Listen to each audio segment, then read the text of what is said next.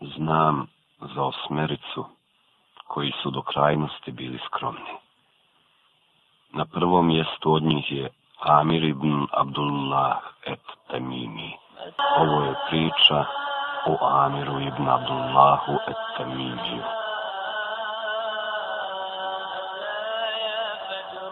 Četrnaista je godina po Hidžeri.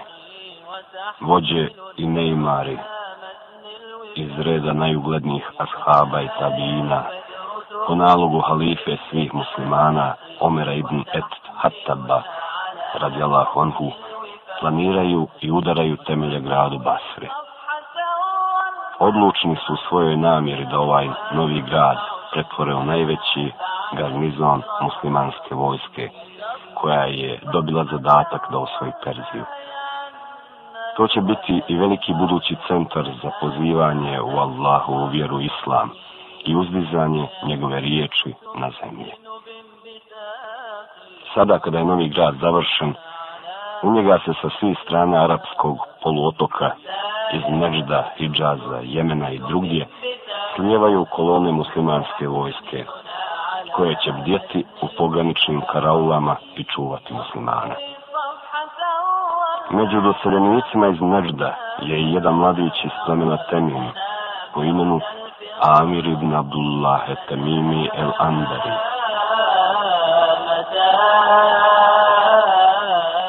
U to doba Amir ibn Abdullah et Temimi bio je tek u cvijetu rane mladosti. Još golobrad vedra lica, čiste duše i bogobojazna srca. Iako nov grad, Basra je bila jedna od najbogatijih i najprivlačnijih mjesta u cijelom islamskom carstvu. Prvenstveno zbog neprekidnog priliva bogatog ratnog plijena, često i u suhom zlatu. Međutim, mladog temimljanina Amira ibn Abdullaha ništa od toga nije zanimalo. Po svojoj prirodi, on je još od djetinstva bio skroman. Nije ga zanimalo bogatstvo u rukama ljudi, već ono kod Allaha. Upravo se zato klonio izazova i ukrasa ovog svijeta, a istovremeno okretao prema Allahu i nastojao postići njegovo zadovoljstvo. U to doba prva ličnost u Basre bio je njen namjesnik, poznati ashab Ebu Musa el Ešari. Allah bio sa njim zadovoljan i podario mu lijepi džennet. Pored toga što je bio namjesnik grada u Procvatu, on je bio i zapovjednik muslimanske vojske, koja je odatle kretala u pohode na sve strane. Ukratko, bio je glavna ličnost u Basri. Njen imam, učitelj i vođa u svakom smislu, a time i u pozivanju u Allahovu vjeru. Amir ibn Abdullah bio je nerazvojan od Ebu Musa ele Šarije, kako u ratu, tako i miru, kako kod kuće, tako i na putu. Od njega je slađe nego svježe hurme primao i učio Allahu u knjigu, onako kako je spušteno na srce poslanika Muhammeda. Od njega je direktno čuo i dalje je premio brojne vjerodostojne hadise Allahova poslanika sallallahu alaihi wasallam i stekao široko obrazovanje. Prije svega ono koje je vezano za ispravno razumijevanje propisa Allahove vjere. Kada je solidno ovladao poznavanjem Kur'ana i hadisa, svoje vrijeme je podijelio na tri dijela, tako da je ostatak života proveo. Ili u kružocima zikra, podučavajući svijet Kur'anu u glavnoj džami u Basri. Ili u ibadetu povučen od svijeta i predan klanjanju. Toliko da su mu često noge znale oteći od predugog stajanja u namazu. Ili pak na bojnom polju u borbi na Allahu putu sa isukanom sabljom u ruci. Za njega se kaže da cijeli svoj život nikada nigdje nije kročio, a da jednoj od svi navedene stvari nije bio posvećen zato je s pravom dobio epitet najpoznatijeg pobožnjaka i askete u cijeloj Basri. To kakav je Amir ibn Abdullah bio najbolje se može zaključiti iz kazivanja jednog njegovog poznanika iz Basre koji kaže Jednom prilikom sam putovao u karavani u kojoj je bio i Amir ibn Abdullah kada je pala noć, zakonačili smo u jednom šipražu u blizini močvare.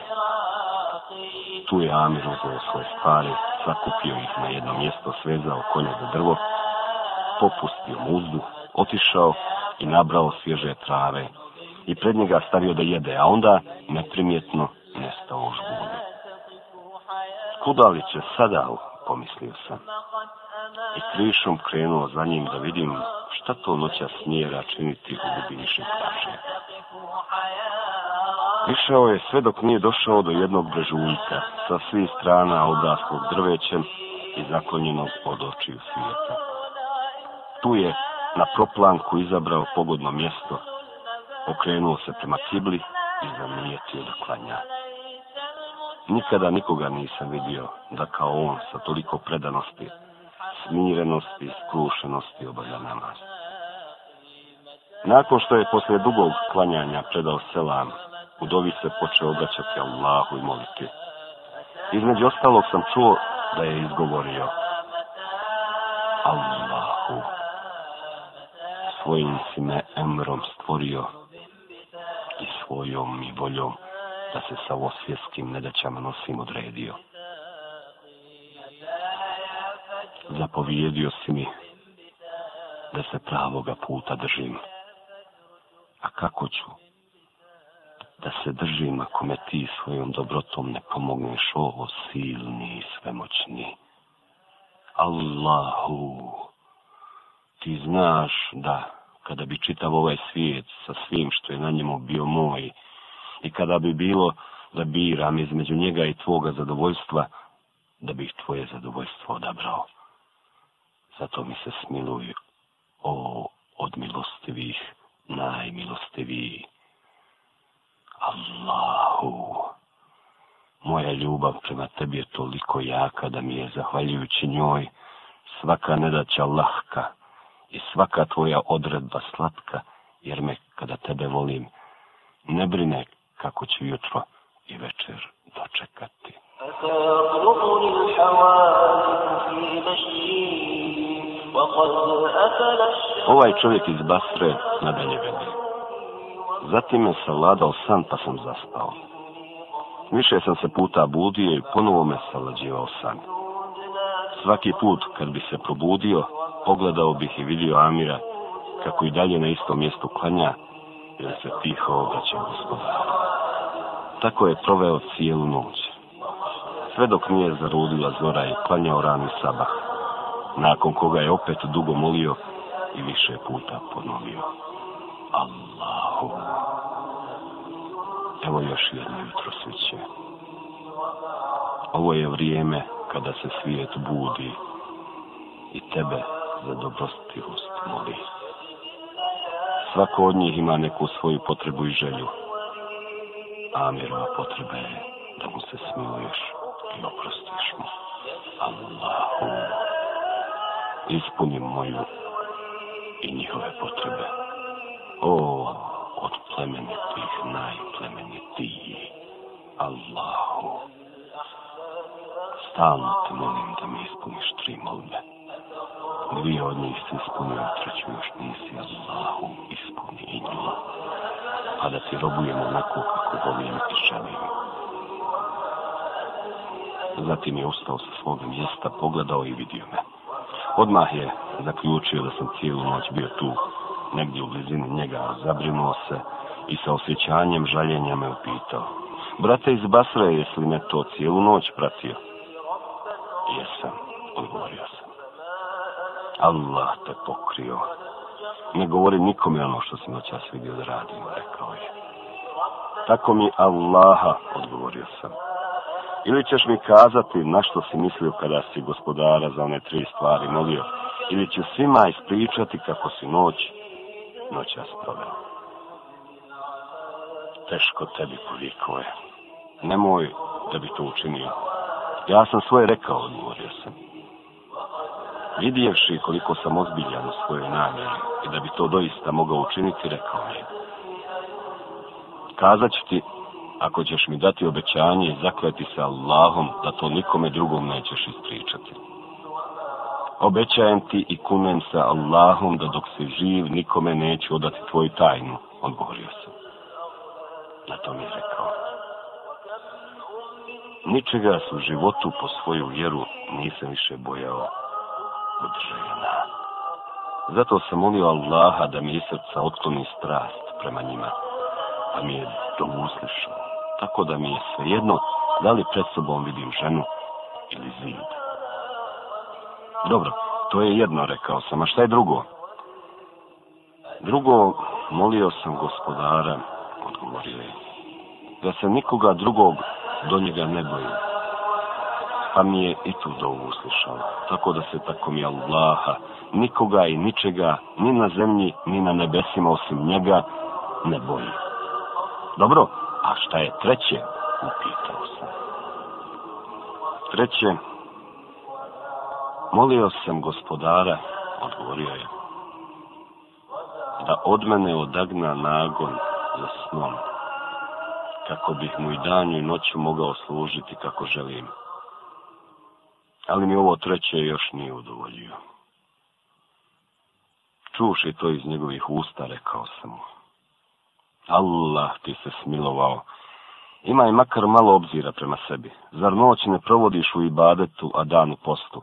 Džennet se može zaslužiti sa manje nego što ti činiš i džehennemske vatre spasiti sa manje napora nego što ti ulažeš. Na to mi je rekao. Bojim se da se ne bude morao kajati za propušteno, kada kajanje od koristi više neće biti tako mi Allaha, kada god nađem priliku, i dalje ću se truditi da budem u ibadetu, pa ako se spasim, to je opet Allahovo milošću, a ako džehennemske vatre dopadnem, samo mojom krivicom. نمارم أبدا لا لن نحيد أبدا لا لن نحيد أبدا لا لن نحيد عن خطى الإيمان دربنا درب قويم دربنا درب قويم بالهدى القرآن Međutim, ima je Koliko god je Amir ibn Abdullah bio arhitekat Hamaća, znači, on je bio još veći vitez i borac na Allahu putu, tako da. Naime, nikada se nije uputio poziv za borbu na Allahov putu, a da Amir nije bio među prvima koji su se na poziv odazvali. Kada bih htio da sa borcima na Allahov putu krene u neki od pohoda, prvo bi se izmakao i malo ih posmatrao i odmjeravao kako bi sebi izabrao društvo, a kada bi ga izabrao, prišao bi im i rekao, ljudi, ja bi s vama. Ukoliko ćete mi obećati tri stvari. Koje su to tri stvari, upitali bi. Prvo, da budem sluga, odgovorio bi. I da se o tome sa mnom nikada niko ne prepire. Drugo, da vam budem ujezim i da mi posao oko pozivanja na namaz niko od vas ne pokušava preosjeti. I treće, da prihvatite da vam od svoga imetka pomognem koliko mogu rekao bi to, pa bi ukoliko bi se složili krenuo sa njim. A ukoliko ne bi, potražio bi drugo društvo. Amir je bio jedan od onih boraca na Allahov putu koji su se na muci najviše dokazivali. A pri podjeli ratnog plijena najmanje uzimali. U jeku borbe hrabro je jurišao na neprijatelja kao rijetko kod drugih. A pri podjeli plijena uvijek je bio među zadnjima i najskromniji. Kada je Saad ibn Vekas nakon pobjede na Kadisi ušao u dvorac Persijskog kralja, naredio je Amru ibn Mukrinu da sakupi i popiše ratni plijen kako bi petinu poslao u državnu blagajnu, a ostatak podijelio borcima nakupilo se toliko bogatstva i skupocijenosti da ga je bilo gotovo nemoguće popisati i procijeniti. Prije svega, tu su velika spremišta zalivena olovom i prepuna zlatnog i srebrnog posuđa iz koga su s koljena na koljeno jeli perzijski kralje. Tu su zatim sehare izrađene od skupocijenog drveta, srca se kraljevskom odjećom, oklopima i nakitom ukrašenim biserom i dragim kamenima tu su zatim mnogobrojni kovčazi prepuni skupocenog nakita, drago kamenja i ostalog blaga. Tu su mnogobrojne korice, mačevi, sabi, persijski, kraljeva i vojskođa, koji su stoljećima vladali ovim krajima i bili strah i trepet u ovom dijelu svijetu. I dok su ratnici prebrojavali i procenjivali ratni plijen, a ostali muslimani posmatrali i slušali, pojavio se jedan čovjek nepočešljan i sav prašlja, noseći sa sobom objema rukama jedan veliki i teški kočeć. Kada su se bolje zagledali, vidjeli su da nikada ranije takav kovčeg nisu vidjeli, niti među sakupljenim plijenom nešto tako zapasili. Je pun bisera i zrakog kamena. Gdje si ovo našao, upitali se čovjeka. Zarobio sam ga u toj i toj bitci, u tome i tome mjestu. Jesi li išta za sebe uzeo, upitali su ga. Allah vas je putio, govorio. Našavši sam viziju za tamo. Tako mi Allaha, ni ovaj kovčeg, ni sve čim su raspolagali persijski kraljevi. Kod mene ne vrijedi nikoliko je jedan dijelić nokta. Nokta da nisam osjećao ličnu obavezu da vodim računa o zajedničkoj blagajni svih muslimana. Ne bih se sageo da ga podignem sazvanje, a kamoli prevalio ovoliki put i na sebi ga donio. Ko si ti čovječe, Allah te nagradio, upitali su. Tako mi Allah odgovorio je, neću vam reći, jer ne želim niti da me ko hvali, niti da mi zahvaljuje. Zahvala pripada jedino uzvišenom Allahu, i jedino se od njega nada nagradi. Zatim se okrenuo i otišao. Vidjevši šta je učinio, za njim su poslali jednog čovjeka sa zadatkom da ga prati i sazna njegovo ime. Tako ga je ovaj pratio, a da on nije ni primijetio, sve dok nije došao među svoje prijatelje, pa je njih upitao. Ko je ovaj čovjek? Zar ga ne poznaješ, upitali su, a zatim mu rekli to je Amir ibn Abdullah Etemimi, najpoznatiji asketa u cijeloj Basri. يا دعوة الإسلام لن أنسى لا لن أميل على Iako je bio takav, Amir ibn Abdullah nije bio poštezen teških iskušenja iz njih jedli kao od zlobnog svijeta i on je iskusio svu gorčinu i skupo platio cijenu čovjeka bez dlake na jeziku. Čovjeka koji je na svakom koraku osuđivao zlo i sad svoj život posvetio borbi za njegovo istrebljenje. Direktan povod za nevolje s kojima će se suočiti bio je slučaj da je jednoga dana vidio kako pomoćnik zapovjednika policije u Basri maltretira jednog nemuslimana štićenika u islamskoj državi. Jedni čovjek ni kriv ni dužan je pomagao je, zvao u pomoć. Zaštitite me, Allah vas je zaštitio. O muslimani, ima li iko ko će pomoći štićeniku vašeg poslanika? Čuši to, Amir mu je prišao i upitao. Jesi li platio glavarinu? Jesam. Zatim se Amir okrenuo prema čovjeku koji ga je držao za vrat i pitao. Šta hoćeš od njega? Hoću da pođe sa mnom da sredi vrt zapovjednika policije, odgovorio je. Zatim se okrenuo prema nemuslimanu i upitao ga. Pristaješ li dobrovoljno da pođeš sa njim i obaviš taj posao? Ne, ne pristajem, odgovorio je. To je težak posao, a nemam ni vremena, jer se moram brinuti za obskrbu svoje djece zato Samir okrenuo prema ovome što ga je držao i rekao mu. Pusti čovjeka, neka ide za svojim poslom. Ne, neću ga pustiti, odgovorio je. Na to Amiru nije preostalo ništa drugo nego da u znak da ga uzima u zaštitu svojim ogrtačem za ogromne nemuslimana.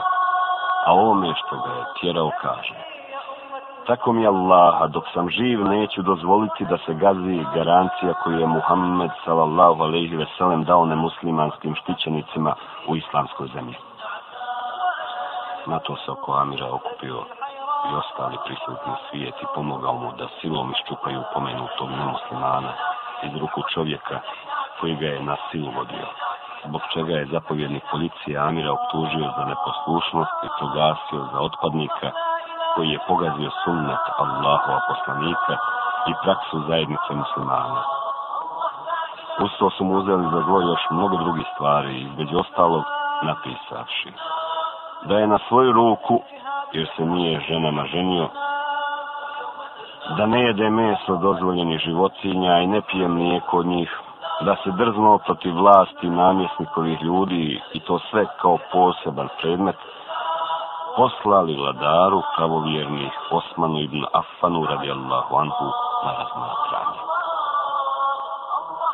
Primivši na znanje optužbu protiv njega halifa je naredio svome namjesniku Basri da pozove Amira ibn Abdullaha u svoje sjedište i tad povede istragu u vezi s iznesenim optužbama, te je da ga o rezultatima istrage odmah obavljesti namjesnik Basre ubrzo poziva Amira i saopćava mu da mu je vladar pravovjerni Allah ga poživio, naredio da provede istragu u vezi s pripisanim optužbama. Na to mu je Amir rekao. Onda pitaj ono što ti je naredio vladar pravovjerni. Zašto izbjegavaš praksu Allahova poslanika sallallahu alaihi wa sallam? Zašto se ne ženiš upitao? ne izbjegavam ženidbu zato što ne volim poslanika u svojom lahu, ali ne sam su na to govorio. Jer i sam potvrđujem da nema neženstva u islamu. Već zato što sam takav čovjek koji je kod sebe vidio da ima samo jedan život, pa ga je posvetio izmišljenom Allahu. I što se boji da bi mu to žena mogla pokvariti. A zašto onda ne jedeš meso, upitao je. Ne jedem ga zato što ga se rijetko poželim. A i kada ga se poželim, kod sebe ga nema. A zašto onda ne jedeš sir? Upitali. Zato što ga u kraju u kome mi živimo, uglavnom proizvode nemuslimani, vatropokonici, koji ne kolju životinje po islamskim propisima i što se bojim da je sir usiren sa sirištem od ovce, koja nije zaklana po islamskim propisima, govorio je i dodao. Naprotiv, kada god mi dva svjedoka muslimana potvrde da je sir usiren sa sirištem od ovce koja je zaklana kako treba, ja ga razvrtim. Dobro, onda mi reci zašto nećeš da se družiš sa ljudima na vlasti?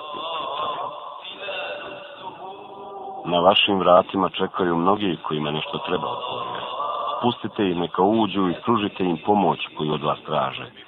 A ostavite na miru one koji vas ni za što ne vole.